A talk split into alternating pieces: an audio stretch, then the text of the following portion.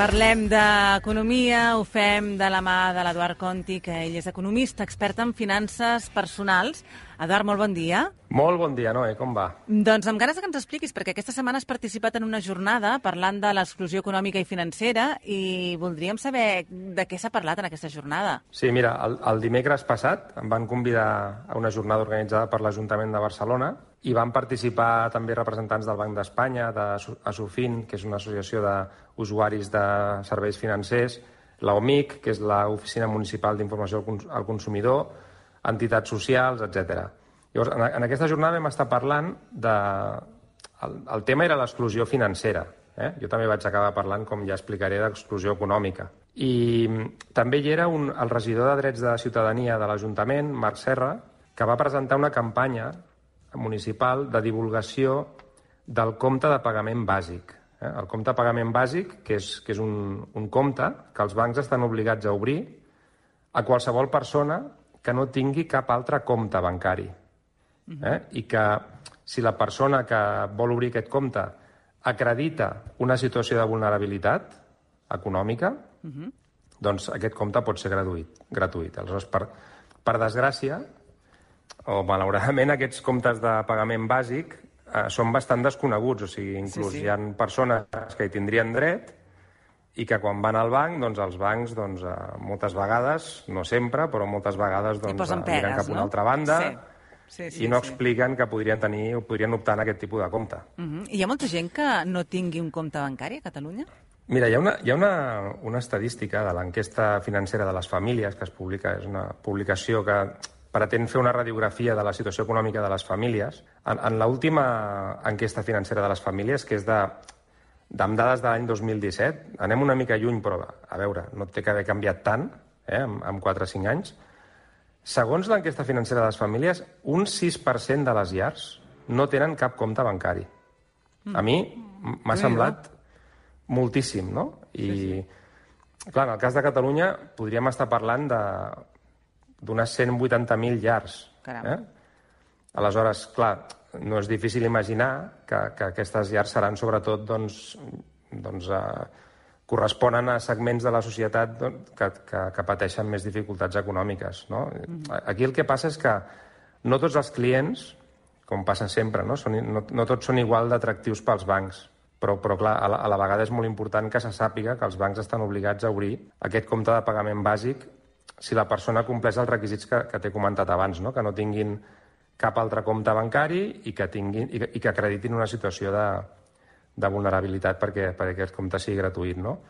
Aleshores, moltes vegades quan es parla d'això, de, del compte de pagament bàsic, es pensa en persones migrants o, o persones refugiades, sol·licitants d'asil. Ara tenim una llau, hem tingut els últims mesos una llau de persones vingudes d'Ucraïna pel conflicte amb, amb Rússia, però també hi ha una gran quantitat de persones que es troben en circumstàncies difícils i a vegades no, no, no en som del tot conscients. Això ja, ja saps, Noé, que anem...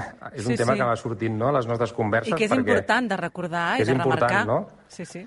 Sí, perquè estem parlant de persones amb molt pocs recursos i en situacions de gran vulnerabilitat i, i a vegades és com si fos una realitat de la nostra societat que no, que no, com que no la veiem potser del tot a prop doncs, i, i que és incòmoda, doncs, mm, vaja, al final l'exclusió financera és també com una forma d'exclusió social, no? perquè sense... Si no tens un compte bancari, per exemple, no et pots pagar serveis bàsics, no pots llogar un pis, si vas a buscar feina i et diuen, bueno, jo no et pagaré la nòmina, i dius, no, és que no tinc compte bancari, això ja, jo crec que és, Sí, sí. és una, una, Clar, una ja- creueta ja no, no no pots- l'entrevista laboral. Segurament no podràs cobrar amb moltes de les No, empreses. no podràs cobrar, no? Sí, sí. Després també, tot el sistema d'ajudes públiques També van per compte Ah, bancari, clar. va per compte bancari, no? I, vaja, vull dir, al final, eh, inclús fer retirades d'efectiu. La gent tampoc no, no té a casa tota la muntanya d'efectiu i va pagant, sinó que va, va, fent, va retirant efectiu, no?, eh, del caixer. Sí, sí. Però tu vas explicar que l'exclusió econòmica és un concepte més ampli que l'exclusió financera. Per què? Quina diferència hi ha? Mira, eh, això, vaja, és un tema que per mi és bastant important, no? perquè l'exclusió econòmica no es limita només a la relació que puguem tenir amb els bancs. Eh? Per exemple, podem tenir comptes bancaris i préstecs amb diversos bancs i això voldria dir que no estem patint exclusió financera, perquè l'exclusió financera vol dir que jo no, no puc relacionar-me o sí. no puc accedir a serveis financers no? que proporcionen els bancs. Però si d'una manera freqüent, persistent, no tenim ingressos suficients per cobrir les nostres necessitats bàsiques, no? doncs tenir un habitatge, eh, poder alimentar-nos, poder eh, tenir accés a aigua, llum, gas, eh, poder comprar roba, poder vaja, proveir els nostres fills, etc. Aleshores, si no tenim recursos suficients per poder cobrir aquestes necessitats bàsiques, aleshores el que estem patint és exclusió econòmica. Uh -huh. Per tant, clar, es pot donar el cas que estiguem patint exclusió econòmica sense exclusió financera. Clar, o sigui, sí, podem sí. tenir accés a tota la sèrie de, de serveis i productes dels bancs, però a la vegada està patint exclusió econòmica. Fins i tot, en alguns casos, tenir accés als serveis financers des d'una posició econòmica precària pot arribar a empitjorar la situació econòmica d'una persona, d'una família, perquè, clar, el que, el que fa és que tens més accés també a, a l'endeutament, sí, sí. no? a, que, a que et puguin vendre alguns préstecs. Ara hi ha un, una llau de... Bé, ja, això ja ve de lluny, no? però hi ha una llau de préstecs fàcils, no? de préstecs d'aquests de, de curt termini, per, per tapar forats. Això, això és perillosíssim, perquè el préstec, quan és, com més curt és, més interessos pagues. No? Uh -huh. I com pot una persona, ja, ja que som conscients de que, de que hi ha sí. aquest perill, com pot una persona augmentar els seus ingressos, ja sé que és una pregunta complicada, i evitar l'exclusió sí. econòmica? Com s'evita? Mira, la, la resposta més fàcil és treballant, no? O sigui. El, el problema dels ingressos es pot començar a solucionar amb una feina. Això sembla molt obvi, no? Però no, no, no tampoc, no només treballant, no? Si pot ser amb un contracte laboral i si pot ser amb estabilitat, amb estabilitat a, a, a, en el temps, encara millor. Mm. Jo crec que aquí ja ens entenem, no? Quan parlo de contracte sí, sí. vull dir que hi ha molta gent, també hi ha una realitat, hi ha una, economia submergida que està, que està també entre nosaltres. Després també hi ha molta gent que treballa i que llavors a les estadístiques d'atur no apareix, però són tipus de contractes molt precaris. Igual són contractes temporals, puntuals. Hi ha persones, per exemple, amb una economia tan orientada als serveis turístics com és la nostra, també hi ha persones que treballen durant la temporada alta del turisme i després van fent mans i mànigues per, per subsistir de qualsevol manera, no? Uh mhm. -huh. però, però vaja, que, que, que, que realment no és tan senzill, no?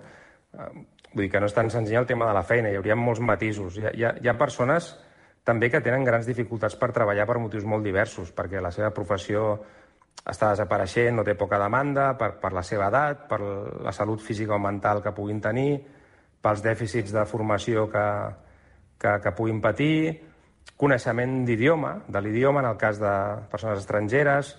Hi ha, una, hi ha una llista de causes que és llarguíssima. Llavors, les oportunitats i les circumstàncies no són iguals per tothom.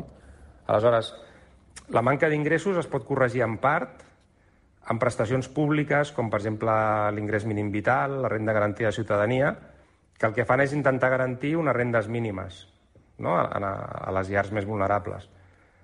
També hi ha un sistema d'ajudes públiques, no? o subvencions, però vaja, al final te'n dones compte, i amb això bueno, ja saps que he treballat també amb, amb, amb famílies de pocs recursos des de fa temps, i també he treballat amb famílies que, que sí que disposen de recursos, al final veus que hi ha molts denominadors comuns, però al, al final te'n dones compte que el factor diferencial és la capacitat que, que, que una persona tingui de treballar, de millorar la feina que té actualment i de, i de millorar la seva remuneració. Però això no sempre és fàcil i jo crec que a vegades es simplifiquen molt els discursos, no? I es diu, home, aquesta persona no, no treballa perquè no vol o no, o no, o no li va millor perquè, doncs, bueno, perquè no, hi, no hi posa prou esforç, tal... Bueno, són, jo crec que són, les realitats són molt més complexes. Sempre són molt més complexes i està molt bé poder parar uh -huh. i reflexionar sobre aquesta exclusió econòmica i financera de la que tu ens parlaves. Doncs, Eduard, moltíssimes gràcies i ens retrobem d'aquí 15 dies, per tant en tornem a parlar. Una abraçada. Una abraçada, que vagi molt bé.